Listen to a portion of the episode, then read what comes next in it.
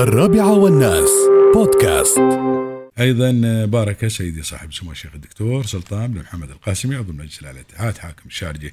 الله يحفظه ويرعاه. المرحلة الأولى من العمليات التطويرية والاختبارية للقطار للقطارات عفوا المعلقة في مجمع الشارجة للبحوث والتكنولوجيا والابتكار التي يتم تطويرها في أكبر المختبرات ومراكز البحث العلمية التطبيقية للمواصلات الذكية على مستوى المنطقة والتي تتخذ من أرض المجمع مركزا لها واطلع سموه على سير العمل والعمليات التشغيلية الاختبارية لإحدى العربات.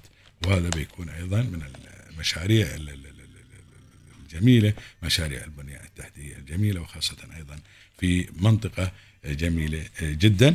ونتمنى كل التوفيق إن شاء الله الكل إن شاء الله اللي بيركبون هذا القطار أو هاي العربات المعلقة واللي ما بيركبون أيضا. نتمنى إن شاء الله آه إنهم يتلقون تعليم جيد الحمد لله رب العالمين يخدم في دولتهم إن شاء الله وأنفسهم.